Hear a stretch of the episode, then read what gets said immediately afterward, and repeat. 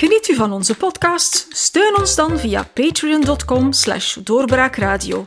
Met een klein bedrag per maand helpt u ons om dagelijks het politieke en maatschappelijke nieuws op de voet te volgen. Of word VIP-lid en dan kan u deelnemen aan onze live events en live chats. Surf dus snel naar patreon.com slash doorbraakradio. Bedankt voor uw steun. Welkom beste luisteraars bij een nieuwe aflevering van Doorbraak Radio. Mijn gast in de virtuele podcaststudio is dokter Tom Zwanepoel, reumatoloog te Aalst, maar ook directielid bij B+. En Mhm. hij heeft samen met een aantal andere artsen een zeer interessante open brief geschreven over de herfederalisering van de gezondheidszorg. En dat is een thema dat ons zeker interesseert en daarom eh, heten we u van harte welkom, dokter. Hallo, het is, eh, dank u wel voor de uitnodiging, maar eh, laat dat dokter maar achterwege. Dan ga ik inderdaad het gewoon gezellig bij Tom houden. Ja. Tom, eh, ja, B+, ik denk dat de meeste van onze luisteraars daar al wel van gehoord hebben. Jullie staan voor meer België. En Ja. dus ook wat nu betreft de gezondheidszorg, zeggen jullie heel duidelijk, laat ons toch maar eens kijken of we dat niet beter terug kunnen herfederaliseren. Ehm, wij zijn inderdaad eh, voor herfederalisering van de gezondheidszorg, maar laat ik misschien eerst nog een keer kort samenvatten wat dat B is en wat dat vooral wat dat wij niet zijn. Hè, want er bestaan nogal misverstanden. B is eigenlijk een drukkingsgroep die zich instelt, inzet liever gezegd, voor een eh, verenigd eh, België, maar beter werkend dan vandaag. En federaal, en solidair. Dus wat wil dat zeggen? Dat zijn drie verschillende woorden. Eerst en vooral eh, federaal. Ik denk dat dat het belangrijkste is, want eh, op Twitter, ja, Twitter je altijd aangename discussies. En vroeg of laat komt daar wel een keer het woord neo-Belgicisme uit, of Belgicain, of neo-unitarisme, of mijn persoonlijke favoriet, crypto-unitaristen. Ja, dat zijn wij niet. Eh, wij erkennen dat in België je u tegelijkertijd Belg kunt voelen, maar ook Vlaming, Franstalig, Duitsstalig, Brusselaar of wat dan ook. En wij vinden dat België eh, in volwassen moet worden qua samenleving en dus daar ook zich moet, moet instellen en dus een federale staat het best wordt. Je zou zeggen, ja, maar België is toch al een federale staat? Daarbij komt dus eigenlijk nummer twee. Hè. Wij willen een verbeterd, vernieuwd België, omdat België eigenlijk geen federale staat is. In de praktijk niet echt. Hè. Zoals je weet um, um, zijn daar uh, een aantal uh, elementen in die nog unitair zijn. Um, maar heel belangrijk, uh, het confederalisme, waar dat sommigen mee uitpakken, dat is eigenlijk in de feiten al geïntroduceerd in ons land, al heel lang trouwens, door het feit dat wij op de dag van de federale verkiezingen niet voor dezelfde partijen kunnen stemmen, afhankelijk van de plaats waar je woont in het land, met uitzondering misschien dan van de PTB, Partij van de Arbeid, die zich ook um, federaal unitair uh, opstelt. Um, al die andere partijen, de klassieke stromingen, zijn gesplitst volgens taalgroep. Het is louter toevallig dat de verkiezingen voor de federale kamer op dezelfde dag worden gehouden, maar dat is het dan ook. Voor de rest moet je na de verkiezingen een regering samenstellen die uit verschillende landsdelen wordt opgemaakt en dus uh, waarbij dat de politici en de partijen in het bredere zin naar de kiezer zijn getrokken met een um, ja, een partijprogramma dat eigenlijk gericht is op de eigen taalgroep en soms vrij expliciet. Um, en waarbij dat je in de praktijk geen rekening moet houden met wat er leeft aan de andere kant van de taalgrens. En dan kom je wel in de problemen natuurlijk als je dan een gemeenschappelijke regering moet vormen. Dus dit is eigenlijk al confederalisme. Niet echt natuurlijk, maar toch een confederaal kantje eraan. Uh, dat komt trouwens later nog terug in het debat over gezondheidszorg en meer bepaald, uh, voor wie geïnteresseerd is, over de instroom van de artsen. Dat is een heikel punt, maar dan zal ik uh, netjes proberen uit te leggen wat daar precies het probleem is. Nu, zoals ik al zei, vernieuwd. Wij willen dus van België een echte federale staat maken, waarbij dat de federale staat, de federale samenleving, ook effectief federaal wordt georganiseerd, namelijk federale kieskring. Um, federale partijen, dat mag, maar kieskring liefst nog meer. Federale partij mag altijd, maar dat is te vrijblijvend, denk ik. En uh, een normenhiërarchie daar waar nodig. B is niet noodzakelijk voor meer België op alle domeinen die je maar kunt verzinnen. Dus wij zijn federalisten, we zijn geen unitaristen. Hoewel dat we de argumenten van unitaristen zeker heel goed begrijpen. erkennen wij dat er zaken zijn die je beter op regionaal niveau kan uitvoeren. Um, en zolang dat maar goed afgesproken is, wat dan, niet, wat dan minder eenvoudig is dan je zou denken, en dat er een zekere normenhiërarchie is. Dat wil dus zeggen, als een deelstaat misbruik maakt van haar statuut, dat de federale overheid, die handelt namens het algemeen belang, kan ingrijpen. Dat kan vandaag te weinig.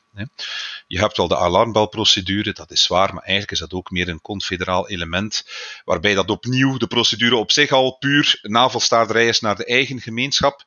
Um, daar wordt enorm veel mee gedreigd, maar als ik me niet vergis, is dat nog maar twee keer gebruikt. Maar het is toch iets wat destabiliserend kan werken in de, in de, in de dagelijkse politiek en wij denken dat dat beter kan. Um, en dan een solidair België, dat is eigenlijk het derde. Um, solidariteit, ja, als het gaat over welke bevoegdheid komt waar, dan is het voor ons wel zonneklaar dat alles wat te maken heeft met solidariteit tussen mensen door de federale overheid op zijn minst moet gecoördineerd worden en liefst als stevig in de handen moet worden gehouden. En het is een beetje vanuit die optiek, die laatste, dat wij vinden dat de gezondheidszorg op federaal niveau moet worden georganiseerd. Daar is stevig over nagedacht en intern gedebatteerd. En dat is uiteindelijk onze conclusie gekomen. En dat is allemaal begonnen voordat de coronacrisis uitbrak. Op een gegeven moment eh, had je de, de, de regeringsvorming, die uh, zoals tegenwoordig de laatste jaren vrij uh, lang kan verlopen.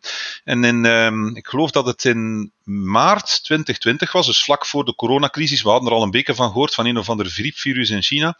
Maar dan kwam op een gegeven moment um, een duo-interview met Stijn Baart en Conor Rousseau uit in Knak waarbij dat Conor Rousseau, en ik citeer, mag ik even cheverig doen over de gezondheidszorg? Waarom zouden we niet het budget voor de gezondheidszorg, het innen van ja, de belastingen of het, het afhouden van de, de sociale zekerheid op uw loon, zouden we dat niet federaal houden en dan de, het beleid laten uitvoeren door de deelstaten? Um, dat was het eerste. Dan was er op een gegeven moment ook uh, in de standaard gelijkaardige periode Jan de Maasneer, professor Jan de Maasneer, emeritus huisartsgeneeskunde in het, van, van UGent, die eigenlijk uitkwam in een artikel Een bypass voor België, voor de Belgische gezondheidszorg, waarbij dat hij een uh, duidelijk toont van kijk, we zouden inderdaad de gezondheidszorg kunnen opsplitsen per deelgebied en hij wil dan eigenlijk per gewest. Um, dat opsplitsen met behoud van federale uh, solidariteit. Dus ik aan de slag, want ik ben binnen B een beetje, al gezien op mijn achtergrond, verantwoordelijk voor dat soort kwesties uit te zoeken. En ik bestudeer die tekst. En ik moet zeggen, ik ga heel eerlijk zijn, en nu, nu spreek ik in eigen naam, ik was daar persoonlijk echt wel aangenaam door verrast. Ik dacht van, allee, kijk, dat is eigenlijk toch wel een vrij pragmatische oplossing. dus um, de federale overheid in het model van Jan de Maasneer, het is tenminste een model die echt wel diepgaand is uitgewerkt. Kudos voor hem, want dat is, niet, dat is niet iedereen gegeven. En die zegt van kijk, wat we moeten doen is het volgende. De federale overheid heeft nog een rol, namelijk pandemieën. Ja, we waren toen nog niet aan de pandemie bezig, dat is een tekst van december 2019. Pandemieën, uh, voedselveiligheid, um, universitaire gezondheidszorg. Uh, ja, nog een aantal andere zaken. Ik wil gerust Sefes allemaal die dingen doormailen, dat je dat eventueel uh, kunt toevoegen in de commentaren. Um, dus echt wel een, een, maar een beperkte bevoegdheid. Maar zegt hij, en ook doelstellingen, gezondheidsdoelstellingen. Bijvoorbeeld tegen 2040 willen we zoveel procent minder obese mensen in ons land. Hè? Bijvoorbeeld. Of zoveel minder diabetici, of dit en dat. En, zegt hij, afgezien van die doelstellingen en dus universitaire zorg, gespecialiseerde zorg uh, op universitair niveau en, en pandemieën en voedselveiligheid, al de rest vliegt naar de deelstaten. En hij zegt specifiek Vlaanderen, Wallonië, Brussels hoofdstedelijk gewest. Hij zegt dus niet de gemeenschappen, hij zegt de deelstaten. En waarom zegt hij dat? Dat is omdat in het model van NVA je in Brussel met een groot probleem zit. Dat is dat je eigenlijk binnen eenzelfde gebouw, eenzelfde appartementsblok in Brussel, misschien zelfs binnen dezelfde gezin in Brussel, twee verschillende gezondheidssystemen hebt, omdat je moet kiezen tussen het ene Vlaams of het andere Franstalig. Hij zegt dat is niet haalbaar.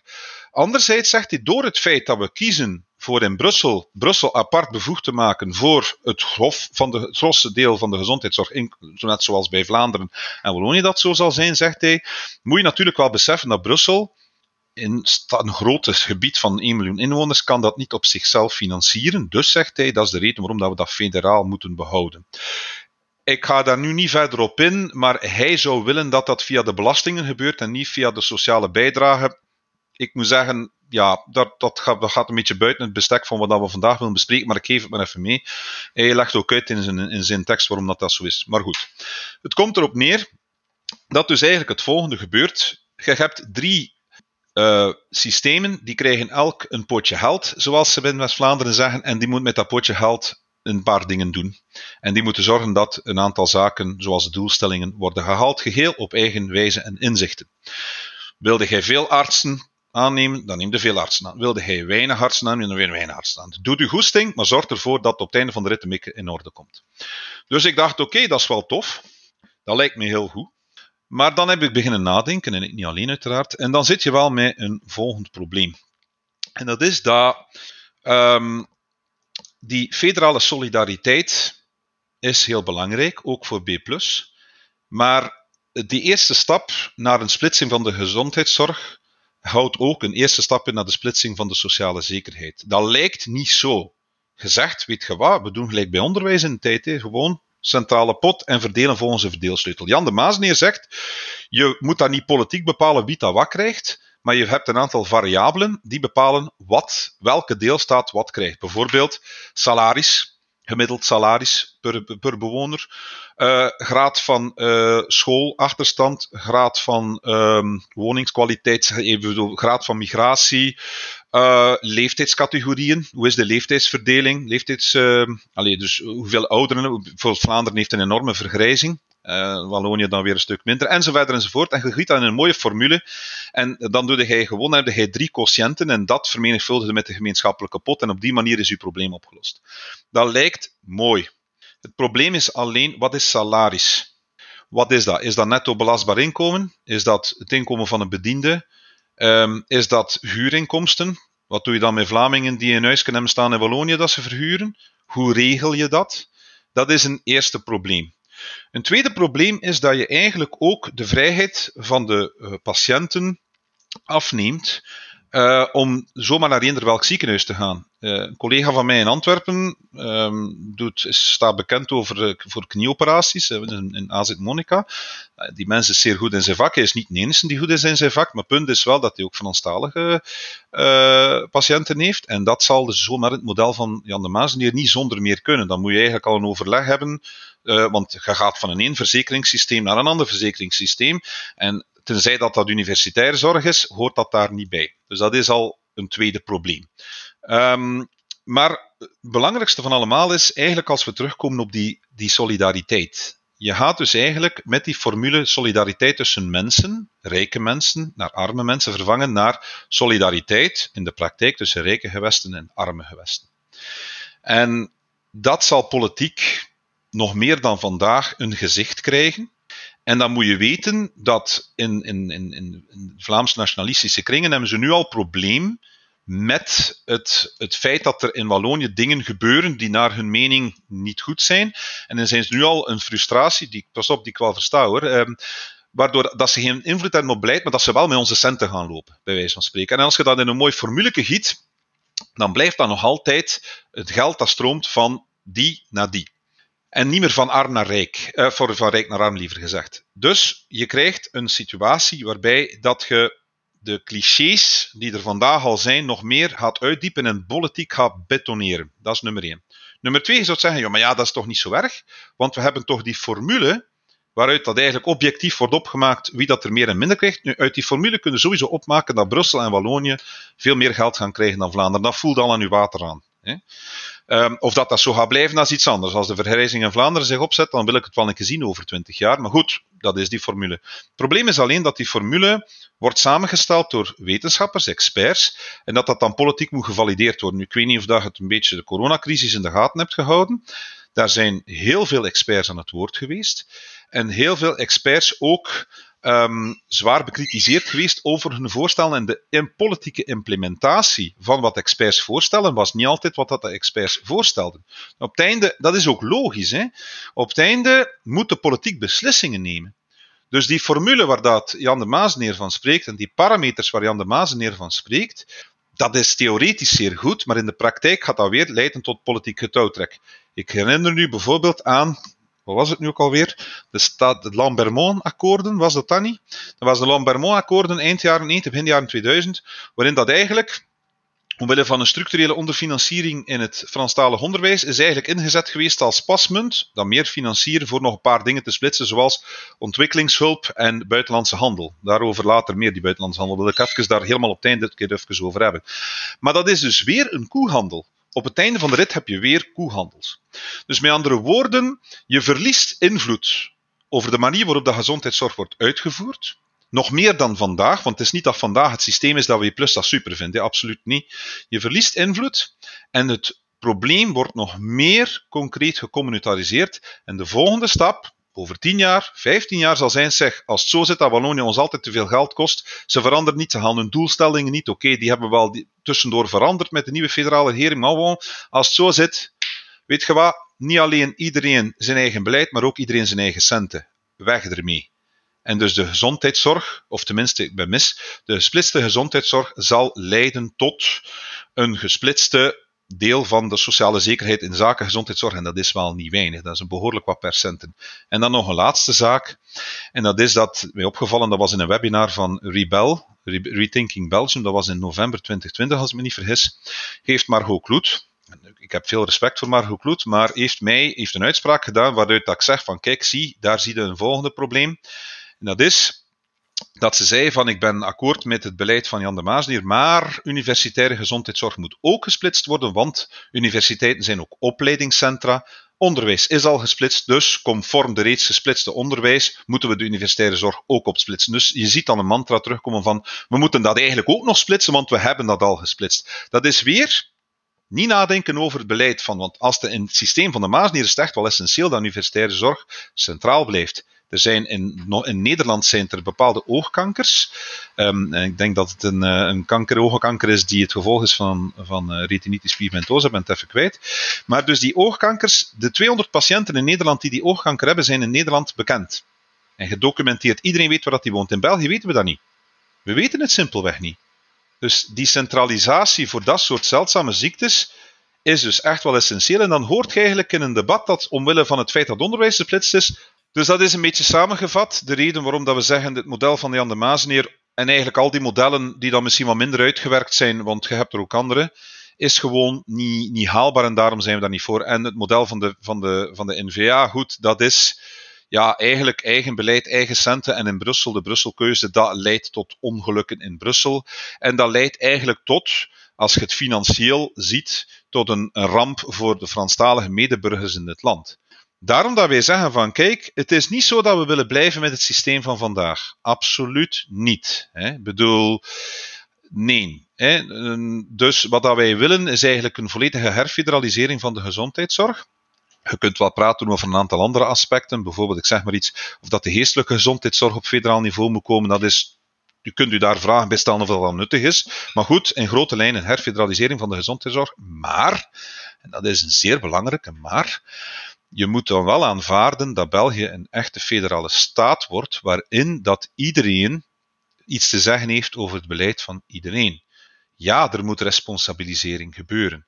Het kan niet zijn dat bepaalde ziekenhuizen in dit land slecht gerund worden, uh, weinig efficiënt werken, te veel ja, te hoge prijzen vragen voor daglichttarieven, te hoge kamertarieven, één kamer, persoonskamertarieven vragen, allemaal ontsnappend aan de controle, waardoor dat het budgetair de pan. Dat kan je allemaal niet verdragen en niet tolereren. Je moet een rationalisering invoeren en dat mag misschien wel een beetje geënt zijn op de lokale situatie. Maar dat gaat over responsabilisering van mensen, artsen die beslissen van die onderzoeken uit te voeren, uh, verpleegkundigen die te veel of te weinig prestaties doen, hoewel dat de meeste verpleegkundigen bedienden zijn natuurlijk, dat, laten we dat even duidelijk zijn. Um, correcte uitvoering van klinische therapie, um, enzovoort enzovoort. Dat moet geresponsabiliseerd worden, maar het gaat hier over instituten, het gaat hier over mensen, het gaat hier over beroepsorganisaties en het gaat niet over het simpele de luie waal hangt aan zijn infuus in zijn hangmat en de, de, de hardwerkende Vlaming moet het allemaal oplossen, want zo simpel is het niet. En daarom zeggen wij, responsabilisering, federaal niveau, maar met federale kieskring. Waar nodig, hoewel dat, dat in dit onderwerp misschien wel minder uh, nodig is, um, normenhierarchie. Ehm, en dat is eigenlijk de reden waarom dat wij daarvoor pleiten. Ja, dat is uh, een heel omstandig en heel duidelijk verhaal. Heel goed te volgen, goed geargumenteerd. Uh, een van de vragen die daar dan wel bij opkomt, is uh, denk ik dat, dat heel veel mensen daar toch ook zouden willen bij stilstaan, en jullie zullen daar ongetwijfeld over nagedacht hebben, is het feit van dat er wel regionale verschillen zijn in hoe gezondheidszorg, in, in het algemeen, preventie hoort daar ook bij, hoe dat, dat benaderd wordt. Uh, ja, hoe wil je dan die regionale verschillen gaan aanpakken? Van, moet het dan eenheidsworst worden of zijn er mogelijkheden om toch die verschillen te gaan honoreren? Ik denk dat er sowieso verschillen moeten gehonoreerd worden, maar dan moet je wel de vraag stellen op welk niveau wilde die verschillen honoreren. Ik ga een voorbeeld geven. Um, kijk een keer naar dat is nu een heel recent voorbeeld. Hè. Dus de cijfers daarvan komen nu binnen. Dat is bijvoorbeeld het probleem van de vaccinatie voor corona in Brussels hoofdstedelijk gewest. Daar moeten we niet trots op zijn, denk ik. Maar de vraag is, heeft dat te maken met het feit dat de Brusselaar, de Franstalige Brusselaar en de Dansaar Vlaming leven en laten leven en we houden ons daar niet mee bezig? Is dat de reden? Is dat een culturele reden? Of is dat eerder uh, een probleem van uh, sociale klasse en lage health literacy? Als je kijkt, zeker in de eerste fase van de vaccinaties, lag het verschil tussen vaccinatie van uh, de armere, de armere deelgebieden van Antwerpen lag niet veel beter als dat van Brussel en dat is dus health literacy. Als je kijkt, moet u de vraag stellen: moet er regionaal kunnen ingegrepen worden en, en, specifieke beleidskwesties worden nagepakt? Ja, zeker wel. Maar uh, ik vraag me echt af, ernstig af, of dat bijvoorbeeld Charleroi, een groot stad, en de Safehoek in Antwerpen, of dat dat nu echt wel zo verschillend is qua health literacy onder de bevolking en hoe dat je daar in godsnaam preventieve gezondheidszorg gaat uitvoeren ten opzichte van een platteland, waarbij dat iedereen zijn huisdokter kent en dus eigenlijk dan makkelijker met de huisarts in, in gesprek gaat daarover, over hoe dat dan moet aangepakt worden en het vertrouwensband, omdat iedereen daar iedereen kent. Ik vraag me af of dat er een verschil is tussen Groot-Dansheim, waar dat ik vandaan kom en waar mijn, huis, mijn, mijn vader huisarts is, bijna met pensioen, en bijvoorbeeld zo'n landelijk stadje gelijk Crupin, Alsace in, in, in Wallonië, of dat daar, als je het echt op de keper beschouwt, zo verschillend is. Ja, je moet dus eigenlijk differentiëren afhankelijk, afhankelijk van de lokale situatie. Maar moet je dat dan veralgemenen en zeggen: Wallonië is één groot gebied waarin dat ze zo denken over gezondheidszorg en Vlaanderen denkt zo over gezondheidszorg? Dat is de eerste opmerking. En de tweede opmerking die je daarbij moet maken is: wij van B zijn niet degene die. Wij zijn geen apologeten. Hè? Dus we gaan niet zeggen van: goh ja, laten we gewoon zwijgen over wat dat er in Wallonië fout loopt. Hè? Mondje dicht en lieve vrede. Nee.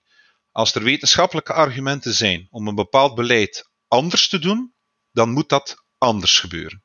En dan moet ervoor zorgen dat dat effectief gebeurt en moet degene die tegenwerkt, ondanks de wetenschappelijke gegevens daaromtrent, moet geresponsabiliseerd worden. Maar diegene is niet de Franstalige arts. Diegene is de arts in ziekenhuis X, hè, die beslist om onderzoek Y te doen tegen een weerwil van wat dat er eigenlijk moet gebeuren. Dat is eigenlijk een beetje een grote trekken, wat dat we bedoelen.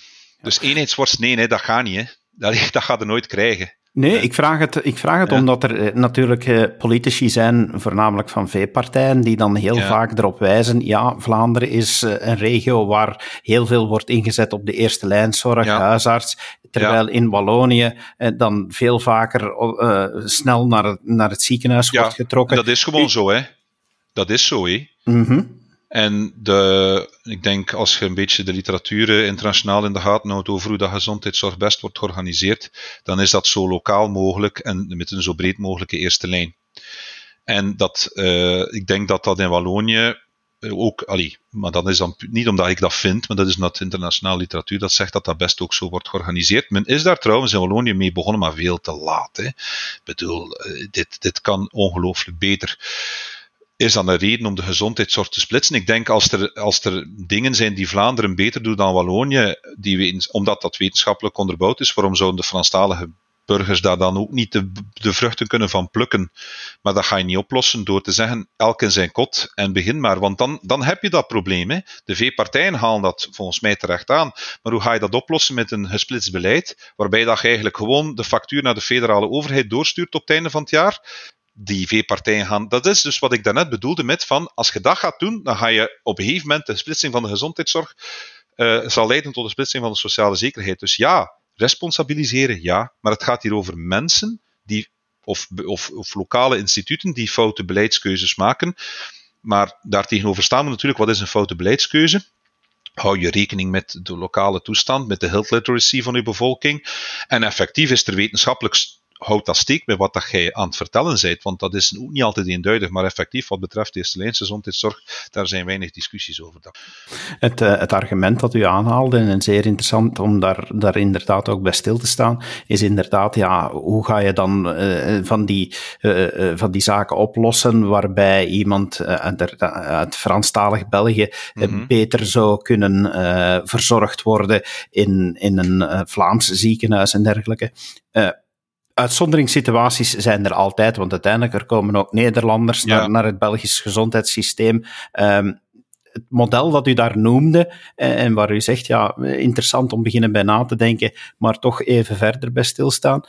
Is dat dan niet een model dat misschien wel om van te vertrekken is, maar dat nog verdere verfijning nodig heeft? Je hebt het over het model van Jan de Maas ja. dan? Uh, wel, het probleem is van Jan de Mazeneer en zijn model is, omdat je nu over Nederlanders spreekt, uh, punt is dat als we nu bijvoorbeeld dat model van Jan de Mazeneer doorvoeren, hè, en dan woonde jij uh, als Franstalige in een of ander Ardens dorpje, en naast u woont er een buurman, Europees staatsburger, die effectief verhuisd is naar België en als Europees staatsburger daar ook gewoon zit. Die Europees staatsburger kan zich per afspraak in Europa vrij bewegen. Dus het ironische zou zijn dat eigenlijk de Franstalige persoon die naar een mensen in de knie naar Antwerpen wil, dat die dat zomaar niet gaat kunnen en die een Nederlandse gebuur die daar is gaan wonen in, Antwerpen, in Ardennen, dat die dat wel kan. Dat, is eigenlijk de, dat zijn de feiten op het terrein. Um, nu, als je zegt van moeten we dat dieper uitwerken, um, ja, je zou dat kunnen doen, maar nogmaals, wat dat B voor staat, is dat is op het eerste niveau, dat is dat solidariteit tussen mensen moet gebeuren. En wat daarbij voor vrezen is, hoe hard dat dat ook uitwerkt, je eindigt altijd met solidariteit tussen, in het geval van Jan de Maasneer, gewesten. En de politieke tendens in dit land is dat je, als je met solidariteit tussen gewesten begint, dan begint je ook met opsplitsing van gezondheid, sorry, van, van uh, sociale zekerheid. Trouwens, dat is al gebeurd. Hè. Ik weet niet, dat is al, uh, bijvoorbeeld, laten we even kind en gezin nemen. Dat wil ik u wel. Dat was ook eentje dat ik niet wist. Uh, dat ik ook heb opge, opgevat. Een jaar of twee geleden heb ik dat op, opgerakeld. Dus de staatshervorming van 2011, het Vlinderakkoord, heeft ertoe geleid dat beslist werd dat kinderbijslag dat er naar de gemeenschappen ging. Vanaf 2014. Nu, hoe hebben ze dat gedaan? Ja, Vlaamse gemeenschap, Franstalige gemeenschap, Duitsstalige gemeenschap gaat dus eigenlijk het geld innen en betalen aan de kinderen van, dus, van de, dus ja, dus uh, kinderbijslag. In Brussel hebben ze dus eigenlijk dat moeten oplossen. Ja, met dus eigenlijk de, ik geloof dat het de gemeenschappelijke gemeenschapscommissie was, die dat dan op zich heeft genomen. Ja, dat is allemaal keurig zoals we het staatskundig doen in dit land. En dan zag je een heel interessante evolutie. Want in 2008 heeft het Grondwettelijk Hof in geoordeeld dat het systeem dat we hadden, namelijk uh, het eerste kind krijgt meer geld, het tweede kind een beetje minder en het derde kind nog een beetje minder, dat dat eigenlijk niet grondwettelijk was, omdat de kinderen niet gelijkwaardig werden behandeld. Jarenlang is daar niet concreet iets mee gebeurd. Ja, dat is dan typisch een westerse democratie. Het grondwettelijk hof zegt van alles, maar daarom gaat dat nog niet in beleid omgezet worden. Maar goed, op een gegeven moment komt dat er toch door. En nu ziet je eigenlijk dat elk kind evenveel krijgt. Als ik me niet vergis, is dat 150 à 160 euro per maand per kind in elke deels, ja, deelgemeenschap van België. Maar dan heeft het grondwettelijk hof eigenlijk iets bereikt. En hoe is dat bereikt? Door vier administraties in te schakelen in de plaats van één. Want uiteindelijk die uitbetaling is dus eigenlijk omgezet. En is hetzelfde op 10 euro na over heel België met vier administraties, waarvan het er één nog eigenlijk de gemeenschappelijke gemeenschapscommissie is. Ja, ik wil daar echt niet weten hoe dat die boekhouding daar gebeurt en die organisatie daar gebeurt, want dat lijkt mij heel complex. Maar dit is een voorbeeld van een, je splitst om dan uiteindelijk hetzelfde te doen. Want dat is trouwens iets dat ik nog niet heb gezegd. Je zult het maar voor hebben dat uiteindelijk een aantal beleidskwesties in Wallonië, ook na een splitsbeleid, door die wetenschappelijke consensus hetzelfde gaat zijn. Door de wetenschappelijke consensus. Ik ben, een, ik ben een groot voorstander als arts om zoveel mogelijk geneeskunde te doen volgens de wetenschappelijke consensus. En als je dan ziet dat dat dan uiteindelijk in de praktijk gebeurt, maar je zit met vier administraties die dat dan moeten ten uitvoer brengen, dan is dat waterhoofdsoverheid. Dus, um, hoe zijn we er nu eigenlijk op gekomen? Um, dat wel, was, ah, wel, dus ja, dat we het gewoon het model van Jan de Maasneer wat diepgaander hmm. moeten uitwerken. Wel ja, dat is de vraag. Is het, loont het de moeite om dat eigenlijk heel die stap te zetten om uiteindelijk oftewel het risico te lopen dat de sociale zekerheid daardoor gaat gesplitst worden door communautaire retoriek die gaat uitgediept worden? Of lopen we het risico, of gaan we, gaan we eigenlijk eh, differentiëren Terwijl dat we zoiets zijn van, in Wallonië hebben we ook grootstedelijke gebieden met een heel specifiek grootstedelijk gezondheidsprobleem, net als in Vlaanderen. Is dat dan de moeite? En aangezien dat we dan toch allemaal meer en meer gelukkig evolueren sinds Cochrane, dat we eigenlijk moeten evolueren naar een evidence-based medicine waar mogelijk, ja, om dan uiteindelijk toch hetzelfde te doen, waarom doen we het dan? Waarom doen we het dan?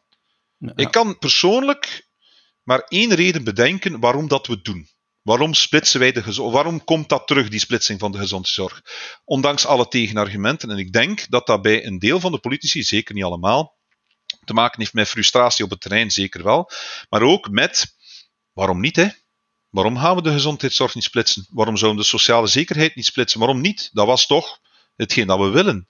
Een deel van de politieke wereld en een deel van de bevolking wil van België af. En ja, de baardoctrine, hè? Eender welke staatsvervorming dat je onderneemt, moet eindigen met meer bevoegdheden voor Vlaanderen. Zo of zo. Maar we zijn op een punt gekomen, denk ik, en dat was in de jaren 70 en 80 minder zo, maar we zijn op een punt gekomen waarin dat er heel terecht niet alleen vanuit B+, maar uit andere, andere delen van de politiek geïnteresseerden, dat herfederalisering op het programma komt, omdat nu de vraag wordt gesteld van oké, het is allemaal communautair wat bekoeld, op een paar details na, een paar grote details helaas, um, maar zouden we een keer niet eerst beginnen nadenken in de plaats van gewoon splitsing als one-fits-all solution, Zullen we een niet eerst keer beginnen nadenken van op welk niveau wordt dat beter georganiseerd. Ik denk dat we op dat punt zijn gekomen. En ik denk dat gezondheidszorg, want dat is niet voor elke bevoegdheid zo, maar gezondheidszorg is een voorbeeld waarop dat je dan, als je dan toch gemeens wetenschappelijk moet werken, um, als je dan toch aan schaalvergroting wilt doen, zeker budgetair, doe het dan allemaal terug federaal. Maar opnieuw, opnieuw, zorg er wel voor dat als er geresponsabiliseerd moet worden, dat je dat ook kunt. En dat kun je vandaag niet in het huidige staatsstructuur. Laatste vraag misschien nog. Hoe breed eh, ziet u dan gezondheidszorg? Want uiteindelijk, ja, preventie hoort daarbij. Uh, je kan ook gaan zeggen, de ouderenzorg, ja, ja. dat is toch ook heel belangrijk, want daar, daar zit heel veel overlap. Uh, zie, zie je dan gezondheidszorg als iets heel breed? Ik zie dat als heel breed, ja. Nu wel even over die preventieve gezondheidszorg. Hè laten we heel eerlijk zijn, het is niet correct dat een deelstaat goede inspanningen levert en dat eigenlijk dan het federaal niveau dan met de pluimen gaat lopen. Want als je goede federale eh, preventieve gezondheidszorg uitvoert, dan heb je daar op het einde van de rit ook minder kosten van in de curatieve gezondheidszorg. Iedere persoon die niet obese wordt en geen diabetes krijgt, is eigenlijk zoveel kosten minder voor de samenleving. Dus daar moet een zekere, um, zou ik zeggen, beloningssysteem in zitten. Of nog beter, doe het gewoon allemaal federaal. Hè, en dan heb je eigenlijk gewoon de middelen. Maar pas op, over preventieve gezondheidszorg gesproken. Goede huisvesting, geen vergif in de grond. Dat is ook preventieve gezondheidszorg. Hoewel dat dan niet onder de mantel preventieve gezondheidszorg valt. Hè. En dat is iets dat veel meer invloed heeft op uw gezondheid van uw bevolking dan en dat moet blijven gebeuren. in Colonkankerscreening. Wat ik achter sta. Hè.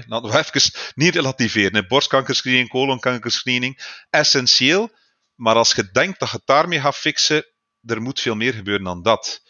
Maar goed, ja, als je dus vraagt gezondheidszorg in de breedste zin van het woord, ja, toch wel. Dat wel. Met uitzondering misschien van geestelijke gezondheidszorg. Maar dat is een persoonlijke mening. Zeer interessant gesprek, Tom. Uh, boeiend om het inderdaad eens van een andere kant te kunnen bekijken en, en te merken dat er uh, ook wel degelijk wordt over nagedacht en dat er heel wat argumenten zijn om het, uh, om het te overwegen. Uh, dankjewel dat je de tijd hebt genomen om dat toe te lichten. Graag gedaan. En u, beste luisteraar, u merkt, we bekijken de zaken graag van verschillende kanten en dit draagt bij tot het debat, dus zeker de moeite waard om te blijven volgen. Heel graag tot een volgende keer. Dag. Dit was een episode van Doorbraak Radio, de podcast van doorbraak.be. Volg onze podcast op doorbraak.be/radio of via Apple Podcasts, Overcast of Spotify. Bezoek ook onze website op doorbraak.be en steun ons door een vriend te worden van Doorbraak.